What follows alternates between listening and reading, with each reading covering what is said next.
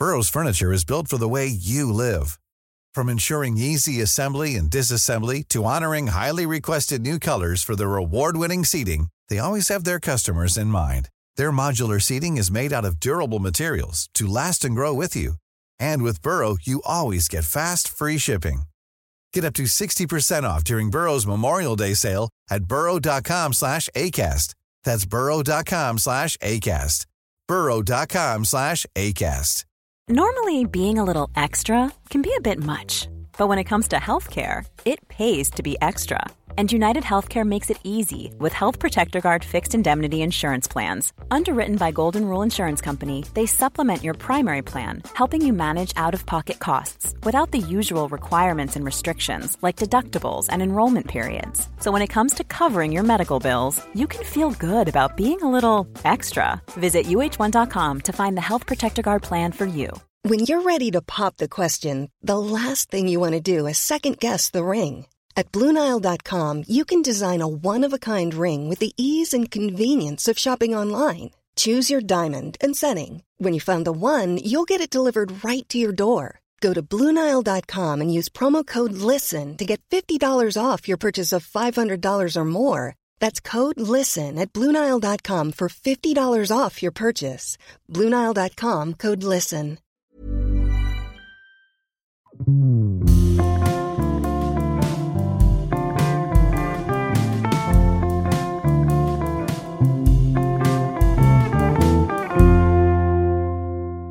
Hei og velkommen til Tangeringspunktet, en helt ny podkast fra formel1.no. Eh, mitt navn er Joakim Stenløs. Jeg har med meg Hedda Wermann og Fredrik Nilsen.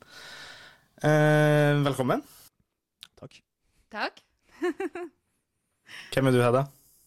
Um, jeg heter Hedda.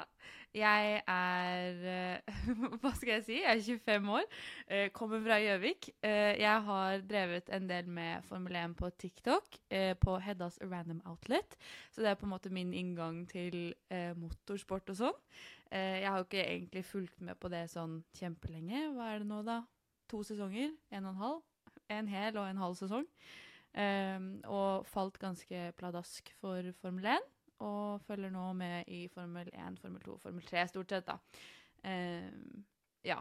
Og så er jeg utdanna skuespiller, jobber på barneskole sånn ved siden av. Så det er meg.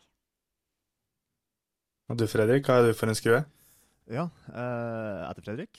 Eh, jeg har fulgt med på motorsport siden jeg var ca. 3 15 år i 2002. Eh, og da begynte jeg med Formel 1, og så etter hvert så kom jo Eurosport sin Motorsport Weekend på banen. og Da ble jeg introdusert til en hel rekke med motorsport. MotoGP, eh, GP2, Formel 3, Nescar Indycar, eh, som jeg ennå følger med på til dags dato. Og eh, ja, ca. 2021, eh, under eh, pandemien, så innså jeg at jeg sitter på litt for mye kunnskap til å bearbeide alene. Så da begynte jeg med TikTok på fredrik.nilsen, og laga for det meste informativt motorsportinnhold. Bare sånn, Jeg vet, jeg husker, jeg husker ikke om du nevnte alder der, men mental alder er i hvert fall godt over 40, sjøl om kanskje ikke passet Ja. sier det samme. Nei, jeg er, jeg er 25. Bare. Men den uh, kunnskapen og rare kuriositetene som ligger der, er langt eldre. Det kommer jo våre lyttere til å legge merke til etter hvert. Absolutt. Um, jeg heter jo da Joakim Stenløs uh, og har uh, hoppa og skrevet om motorsport i et par år. Uh, mye for Formel1.no og for uh, Park Fermé. Eh, og sammen da skal vi prøve å lage den podkasten her om Formel 1 og alt som rører seg i sirkuset, og litt Formel 2 og 3 selvfølgelig, og egentlig alt som rører seg. Men eh, Fredrik, kan ikke du Altså tangeringspunktet, hvorfor, eh, hvorfor har du valgt det navnet? Ja, eh, for å begynne med definisjonen. Tangeringspunktet er jo det punktet i en sving der bilen er nærmest mulig innsida av svingen. Eh, dette er jo ikke nødvendigvis et eh, fast punkt, det er et punkt som varierer basert på situasjonen. Og eh, ja, er jo egentlig det mest ideelle punktet å være eh, innerst i svingen på i, eh, i et gitt tilfelle. Og det heter jo rett og slett fordi at uh, det her tangeringspunktet finner man jo i absolutt alt av racing. Uh, man finner det i rally, Formel 1, MotoGP. Uh, kanskje ikke drag racing, men uh, det mest, meste av racing.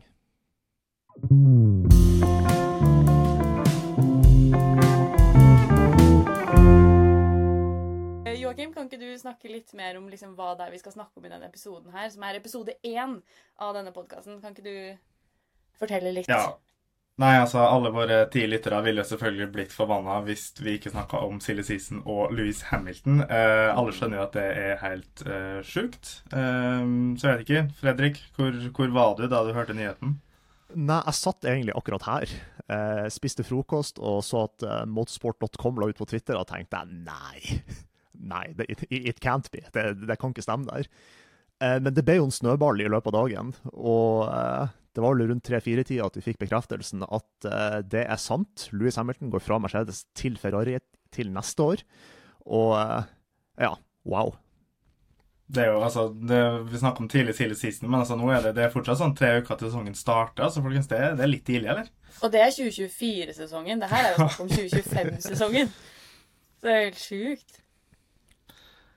Men det er jo Altså, hva, hva, hva, hva skal vi si om det her? Hvorfor gjør han det her? Det er jo et godt spørsmål, da. Nå har jo det vært Er det ikke to sesonger eller noe med Mercedes som det bare ikke har funka for mm. Louis Hamilton? Så det er jo ikke så rart at han på en måte er litt sånn åh, nå må jeg på en måte Om han ikke skal få en seier til, da, så vil han kanskje ha noe nytt, da. Uh, og det er mange jeg har sett som har skrevet sånn en barndomsdrøm for han, og det er jo den der lyden på TikTok nå med Sebastian Fettel som er sånn 'Everybody's a Ferrari-fan'. Det er sånn, Kanskje alle har den lille drømmen om å på en måte kjøre for Ferrari en gang, liksom. Så det er mulig at det er det. Eh, for hvordan det skiftet ellers skulle kommet, det vet jeg ikke egentlig helt. Fordi, altså for det første, jeg så det jo ikke komme i det hele tatt.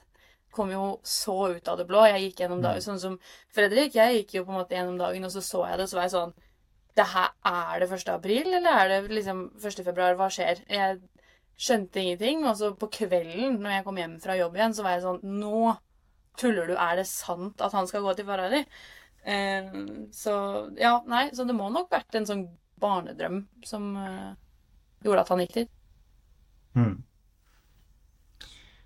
Men altså, det er, sånn, det er som vi sier, da, det er, liksom, det er fortsatt, det her er fortsatt 2025. Eller, altså, vi er fortsatt 2024, det skjer ikke før 2025. Eh, mm.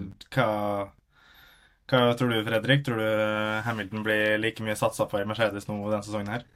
Jeg tviler jo litt på det, egentlig. Altså, for Han blir jo satt i en litt sånn eller både han og Mercedes er jo en litt tricky situasjon. fordi at uh, På én side ser jeg for meg at han, Hamilton vil gi dem en uh, verdig avskjed i sin siste sesong med uh, Mercedes-teamet.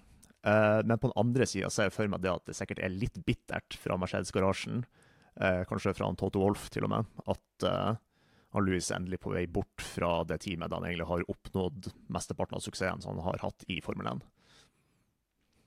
Ja, for, og Jeg begynner jo også å lure litt på om uh, George Russell om han egentlig har grunn til å være glad nå, eller om han burde være litt stressa. For det er klart at hvis han ikke klarer å holde tempoet til Hamilton denne sesongen her, eller på en måte være en lederfører, da, vise at du har det potensialet Si hvis Mercedes leverer en god bil, da, men så klarer ikke han å levere pallplasser og seire.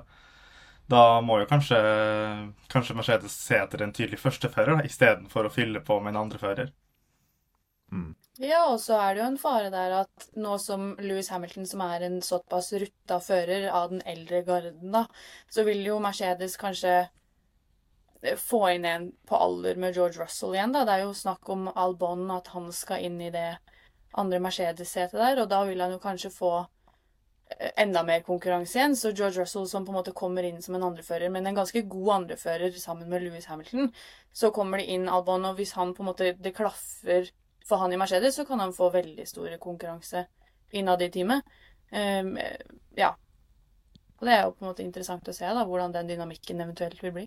Når det blir mm. to unge, veldig unge førere i Mercedes-teamet, som de ikke har vært på lenge. Nei. Nei, altså Det er jo kanskje første gang at du får to som er litt mer på like fot. Det nærmeste må mm. kanskje være Hamilton og Rosberg som var sist, selv om selvfølgelig Hamilton var enormt god. Så så du jo der for en gangs skyld at det var, som var litt på likt nivå. Det kan jo hende at det, i tillegg til at det er interessant med, med, med Hamilton til Ferrari, så kan det hende at det er den dynamikken vi trenger, da. Ja. Det kan jo være. Og så er det jo på en måte sånn hva, hva blir forskjellige muligheter Nå, vi har jo, Carlos Sainz sitter jo uten sete. Det er jo spe, spekulasjon i at han skal rett til Audi når de kommer inn i 2025.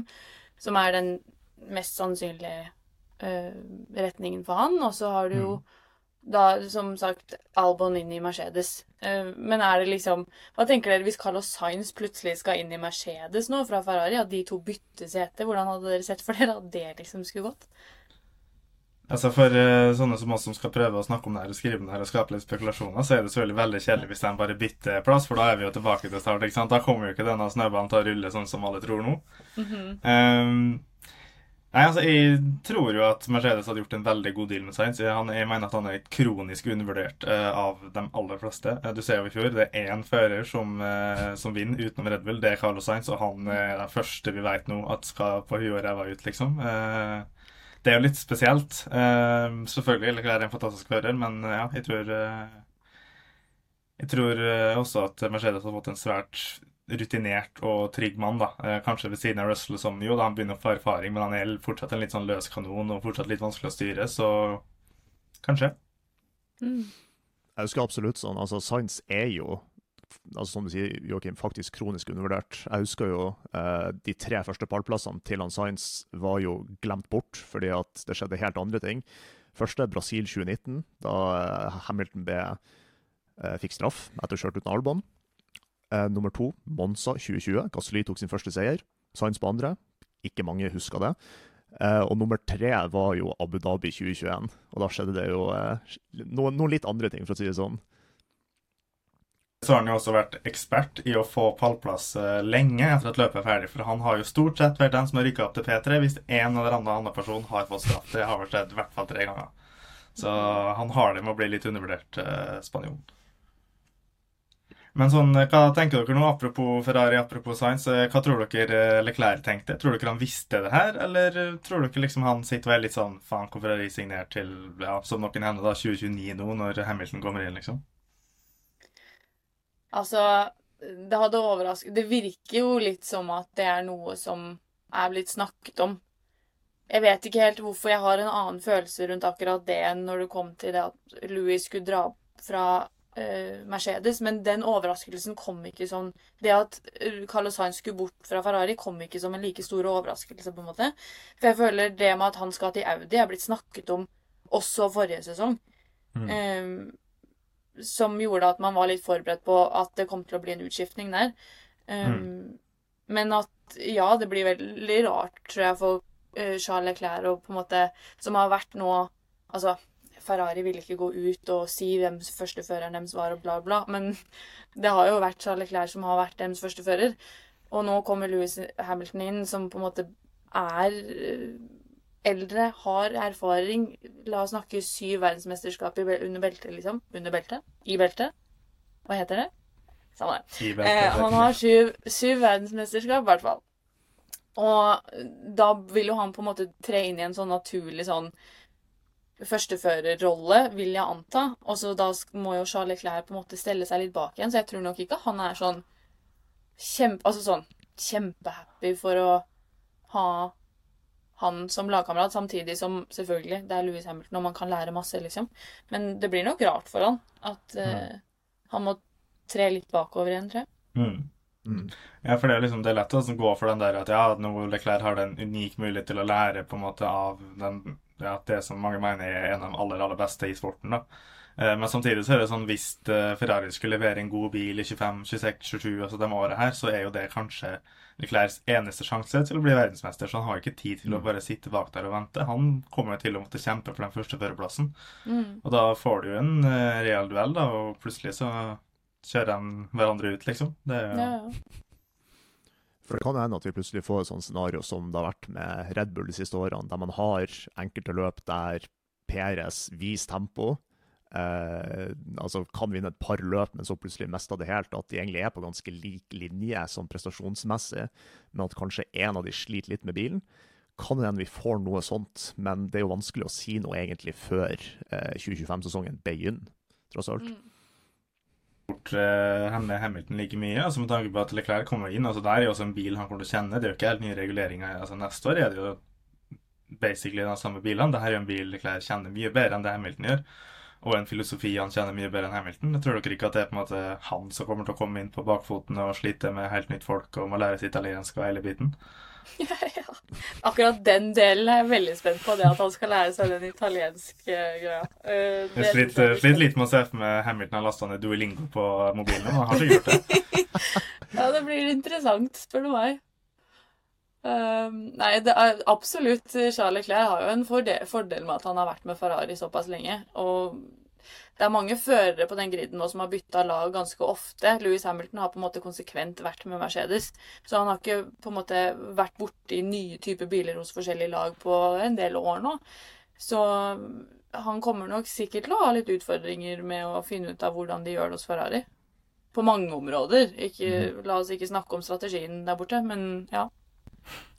For det er jo, altså, tingen er også, altså, det er jo et ganske an, blir jo et annerledesår, for 2025 blir jo et sånn type overgangsår mellom regelverk. Mhm. Og det kan jo for så vidt bli sånn, sånn at Ferrari ikke gidder å lage en bil som er tilpassa til Hamilton, når de vet at det kommer et såpass stort regelverk inn året etter. Så det kan fort bli inter interessant å se hvordan Hamilton klarer å tilpasse seg til bilen i løpet av den korte tida han får med det som er denne generasjons biler. Mhm. Flere jo også har litt spekulert i nå, det er jo det at han prøver å gjøre det samme som de gjorde før Mercedes. Altså komme inn ett år før en stor regelendring. Satse på at de treffer spikeren, og så er han liksom best i 2026. Så det er liksom, det kan hende det er et sjansespill her, da. Det blir i hvert fall spennende å se.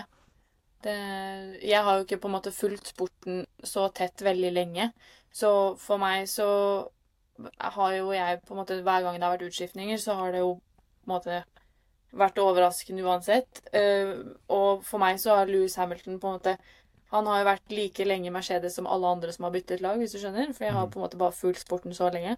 Mm. Eh, så Men allikevel så er det sånn det er veldig rart for meg også som ny å tenke på sånn syv år på samme Eller hvor lenge har han vært i Mercedes? 2013, så det er hans 2013. Det blir vel hans tolvte sesong Ja. ja, OK, hm, ikke sant. Tolv år, da. eh, hos samme lag. Mm. Og så Og ikke minst så hadde han jo også fem år med McLaren, så han har samme motor. Altså Så det er første gang han kjører med en ikke-Mercedes-motor. Mercedes var jo også så tungt inne i, inne i McLaren før de ble et eget team. Så det er liksom, det, det er nesten så godt som hele karrieren, da, med liksom i hvert fall én motor. Og ja, nesten hele karrieren i samme team. Det blir liksom helomvending. Mm. Å, det blir gøy. Jeg kjenner jeg gleder meg litt nå. Ja. Jeg har vært skeptisk en stund, men nå blir det ganske gøy. Se hva som skjer, liksom.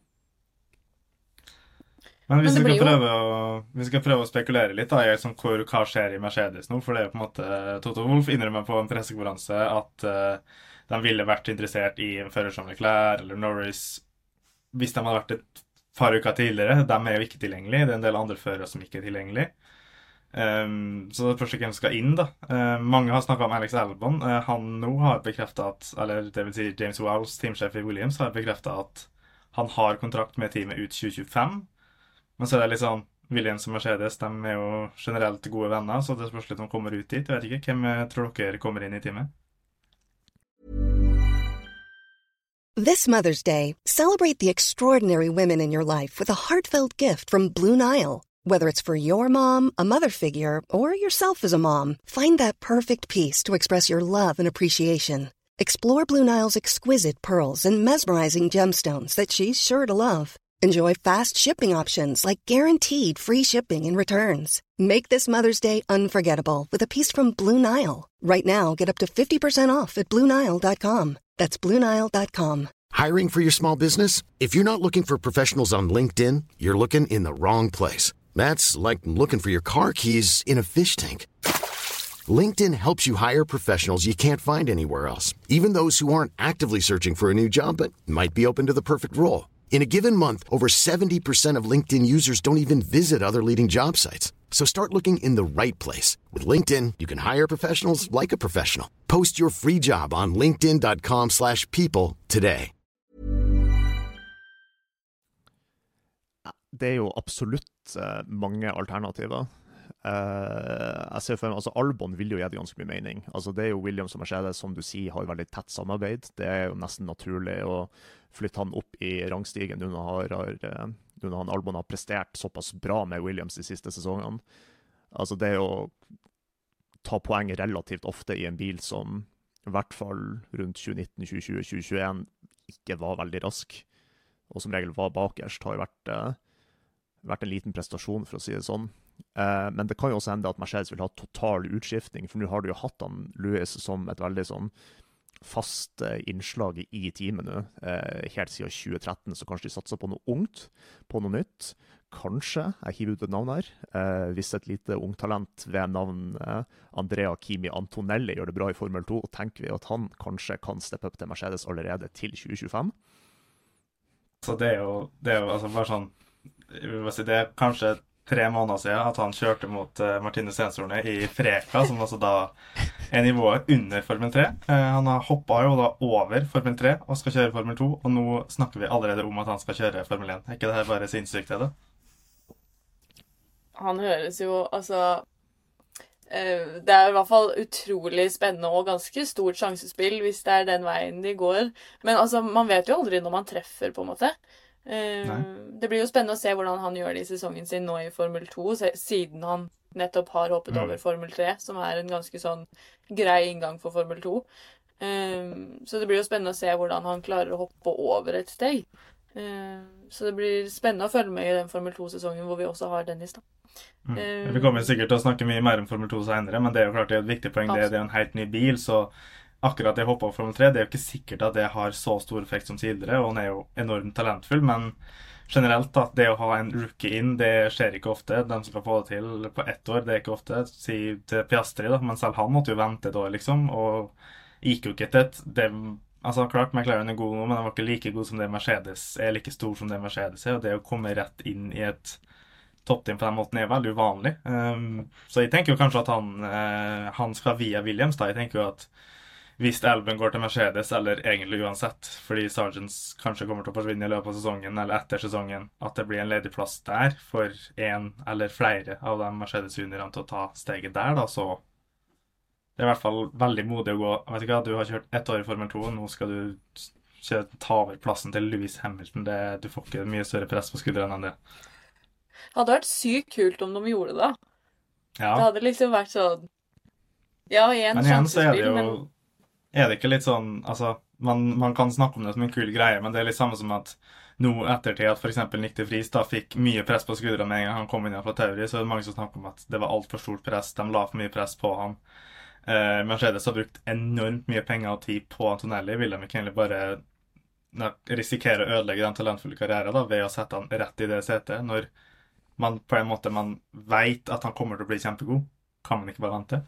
Mm man kan jo egentlig det, men uh, for å ta opp litt historiske eksempler Man har jo også en viss nederlender som gikk rett fra gokart og én sesong i Formel 3 før han gikk rett opp til, uh, til Formel 1. Uh, eh, og det gikk jo bra. og man har jo andre eksempler som f.eks. Uh, ja, har på griden? Walter Bottas, Lance Stroll, Esteban Ocon. Kvyat i sin tid skippa Formel 2 og gikk rett fra Formel 3 opp til, til toppklassen. Men det er jo selvsagt altså sånn, hvis man skal ta opp noe veldig relevant, som alltid er relevant, så er det jo eh, godt psykososialt arbeidsmiljø og eh, mental helse. Og hvis man havner rett i, en, i et tidligere toppteam eh, Kanskje litt brave å si at Mercedes er et tidligere toppteam, men eh, hvis man havner rett i toppteam, altså første året i Formel 1, da er det et ekstremt press om å eh, være, i Antonellis tilfelle, den nye Hamilton. Så jeg tror jo det at eh, som dere sier, at det er lurt å gi han litt, eh, litt tid i eh, Formel 2, kanskje to, et par sesonger, og så eventuelt gå via Williams, bare for å ja, gjøre overgangen lettest mulig for han. Mm. Ja, eller hvis han på en måte presterer godt i Formel 2 denne sesongen nå, at Williams-setet blir jo åpent hvis Albon hopper opp. Så mulig at han får sjansen i Formel 1 allerede, bare i et eh, lag som ligger litt lenger ned. Mm. Um, men igjen er det, det ikke klart, altså, det er klart, Williams er jo ikke, det er jo ikke et direkte juniorteam til Ferrari, men det er veldig tidlig linka der. Man tenker ofte på det som på en måte deres vei opp. da. Vi tenker jo fort at hvis Elben går enten til et annet team eller til Mercedes, og sannsynligvis hvis ikke Sergeant bedrer prestasjonene sine betydelig, så kommer han også til å forsvinne. Da kan det fort være to lederplasser der. Da kan du f.eks. se både Antonelli og Vesti, eller kanskje Schumacher, eller noe i den duren. At du får en enda tydeligere link der, da, at det på en måte kan være en vei til å en måte, etablere en enda tydeligere Mercedes-link da, for å på en måte bygge opp eh, bygge opp mot å få dem inn i toppteamet. Mm -hmm.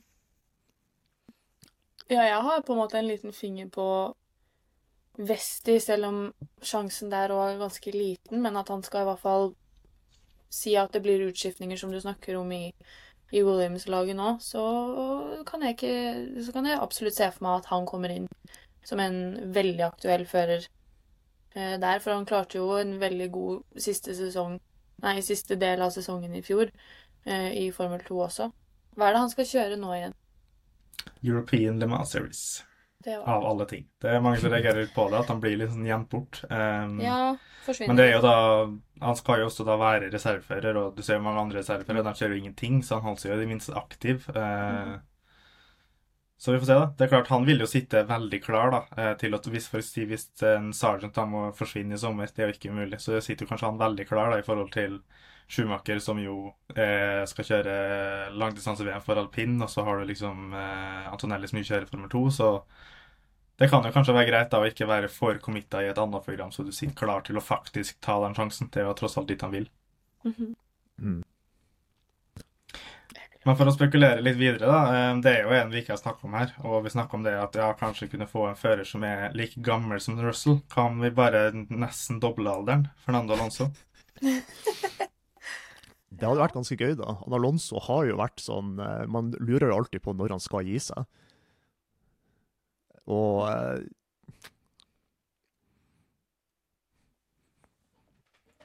Nei, nei, absolutt. Han eh, Altså, jeg det hadde ikke overraska meg om han, om han hadde slått den aldersrekorden i Formel 1, så jeg tror ligger på rundt eh, 57 år gammel på et tidspunkt.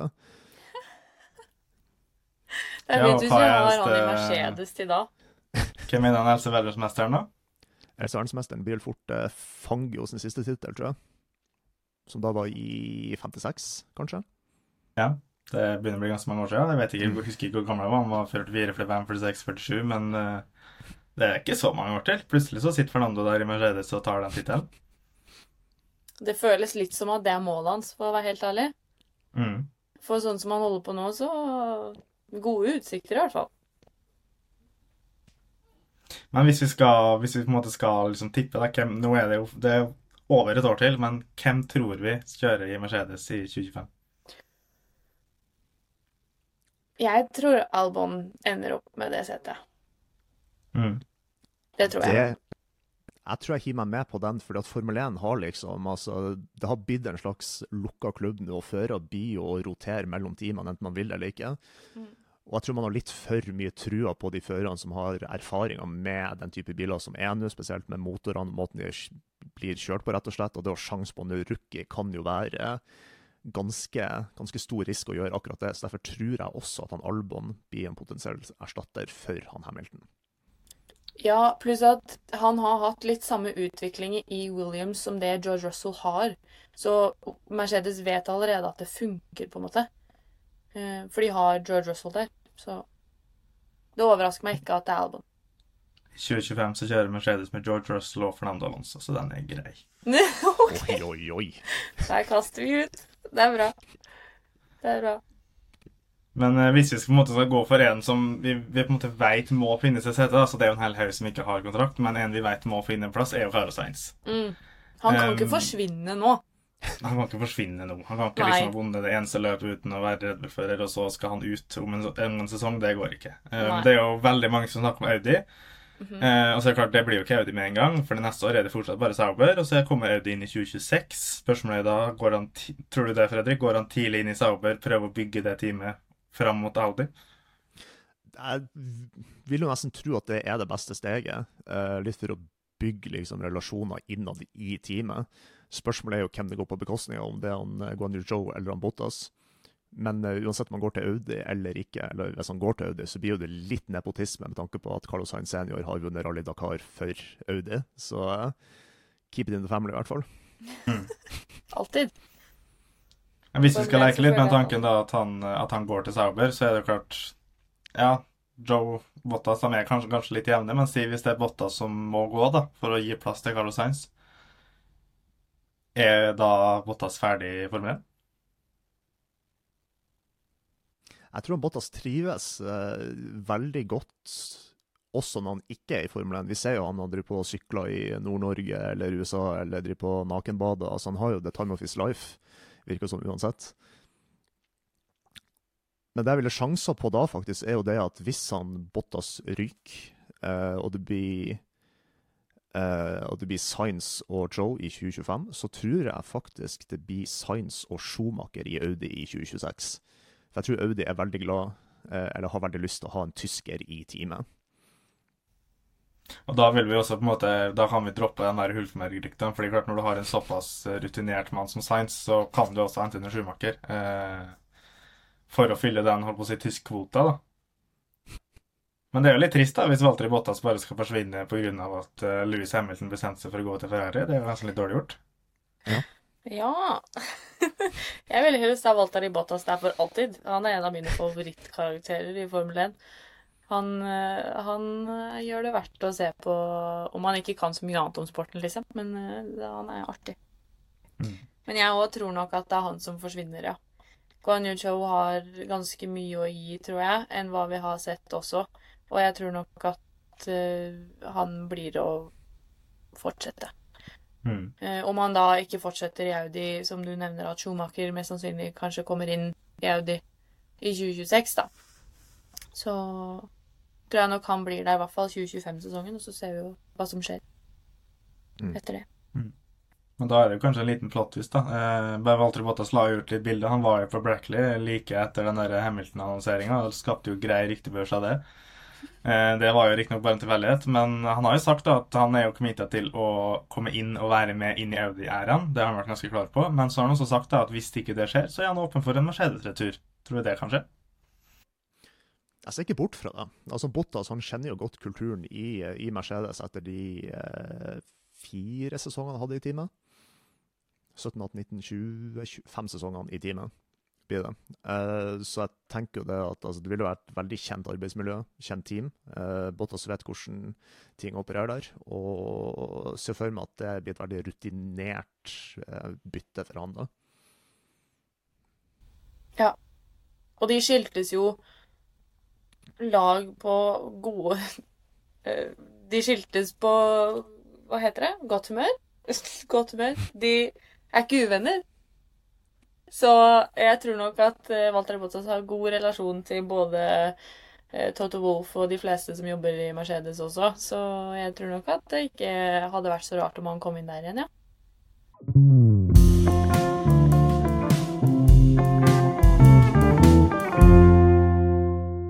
Ok, men for å få litt oversikt her, da, for det er jo mange flere som står uten kontrakt enn dem vi har snakka om nå. Um, av de 20 førerne for griden så har vi altså følgende som ikke har kontrakt i 2025. Sergio Perez, åpenbart, vår redaktør Stein Pettersens uh, holdt på å si store fiende. Uh, som sannsynligvis veldig mange vet. Uh, Fernando Alonso har ikke kontrakt. Lance Stroll har ikke kontrakt. Vi vet ikke Altså, ja. Ingen vet noe om Lance Stroll. Uh, Carlos Sainz har ikke kontrakt, som vi snakka om. Uh, Ocon har ikke kontrakt. Pierre Gasli har ikke kontrakt. Uh, Logan Sargent har ikke kontrakt. Alex Albon har jo fått kontrakt nå. I Has har ingen kontrakt. Kevin Magnusson har ikke kontrakt. Nico, Holken, Nico Hølkenberg har ikke kontrakt. Det samme gjelder i Stake, som vi snakka om. Det har vi heller ikke snakka om. Stake, det er ikke innafor. Men Sauber Vottas har ikke kontrakt. Joe har ikke kontrakt. Sunoda har ikke kontrakt. Og Daniel Ricardo har ikke kontrakt. Eh, hvor skal vi gjøre av alle de folka her, da, folkens? det er så mange. det er utrolig mange. Uh, ved silly Sisen var silly i år. Mm. Januar 2025 kommer til å ja, rasere alt vi visste om Formel 1. Vi skal glemme at det er løp. Vi kommer bare til å diskutere hvem som skal kjøre 2025. Altså, så å faen, det var løp i dag. Ja, nei, hvis ikke jeg sitter og tenker på hvem som skal kjøre i Williams. Og så er det så skummelt her å sitte og si sånn Jeg tror egentlig at mange av liksom førerduoene kommer til å bli de samme. Fordi jeg sier som Atle og Stein sier når de kommenterer, alt kan skje. Fordi plutselig så flytter Altså kommer det jo inn en da fra Formel 2 som hoppet fra Hoppet over Formel 3, og så kommer han inn i Mercedes. Vi vet ikke. Og så sitter man der, da, og så har man tenkt det blir helt sikkert likt som i år. Det blir jo ikke det. Det er da seks team da, som har hele førerduoen sin, som er uten kontrakt nå. Det er Aston Martin, ja. Alpine, Williams, Haas, Sauber og uh, Visa, eller hva enn vi kaller dem. Um, og i min spådom er at ingen av dem førerduene kommer til å se like ut. Så ingen av dem kommer til å ha begge førerne sine neste sesong. Det tror jeg ikke. Jeg tror det kommer til å bli så mye rullering at det kommer til å endre seg. Ja, altså Utrolig mange av de eh, teamparene er jo fra team som gjerne vil se bedre resultater, og kanskje ikke har hatt helt optimale resultater. Så f.eks. alpin, som gjerne vil være et av toppteamene, men har sagt det år etter år at de har den der eh, Hvor mange årsplaner de hadde? Femårsplan? Treårsplan? Fremdriftsplan, som, som eh, man fint kan kalle det. Og har de hatt noe fremdrift i det hele tatt?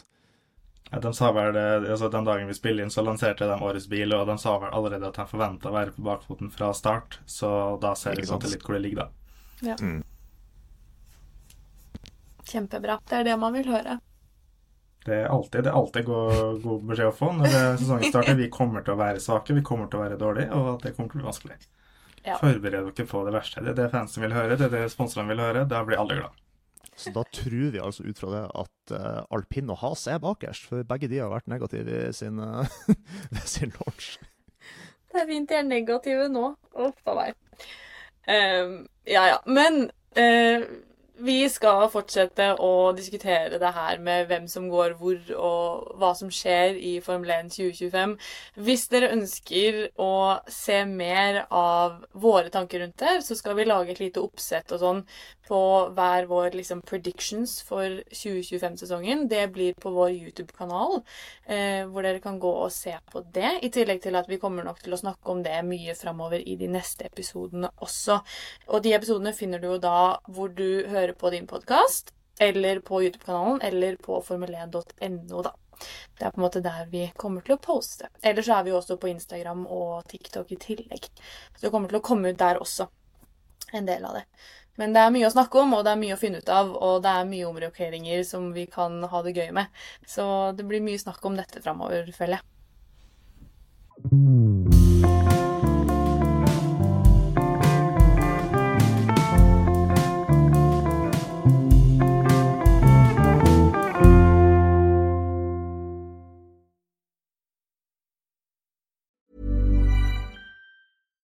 Here's a cool fact a crocodile can't stick out its tongue.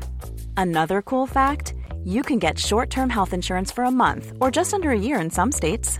United Healthcare short term insurance plans are designed for people who are between jobs, coming off their parents' plan, or turning a side hustle into a full time gig. Underwritten by Golden Rule Insurance Company, they offer flexible, budget friendly coverage with access to a nationwide network of doctors and hospitals. Get more cool facts about United Healthcare short term plans at uh1.com. Hi, I'm Daniel, founder of Pretty Litter. Did you know cats tend to hide symptoms of sickness and pain? I learned this the hard way after losing my cat, Gingy. So I created Pretty Litter, a health monitoring litter that helps detect early signs of illness by changing colors, saving you money and potentially your cat's life. Pretty Litter is veterinarian developed, and it's the easiest way to keep tabs on your fur baby's health right at home. Go to prettylitter.com and use code ACAST for 20% off your first order and a free cat toy. Terms and conditions apply. See site for details. When you make decisions for your company, you look for the no brainers. If you have a lot of mailing to do, stamps.com is the ultimate no brainer. Use the stamps.com mobile app to mail everything you need to keep your business running with up to 89% off USPS and UPS. Make the same no-brainer decision as over 1 million other businesses with stamps.com. Use code program for a special offer. That's stamps.com, code program.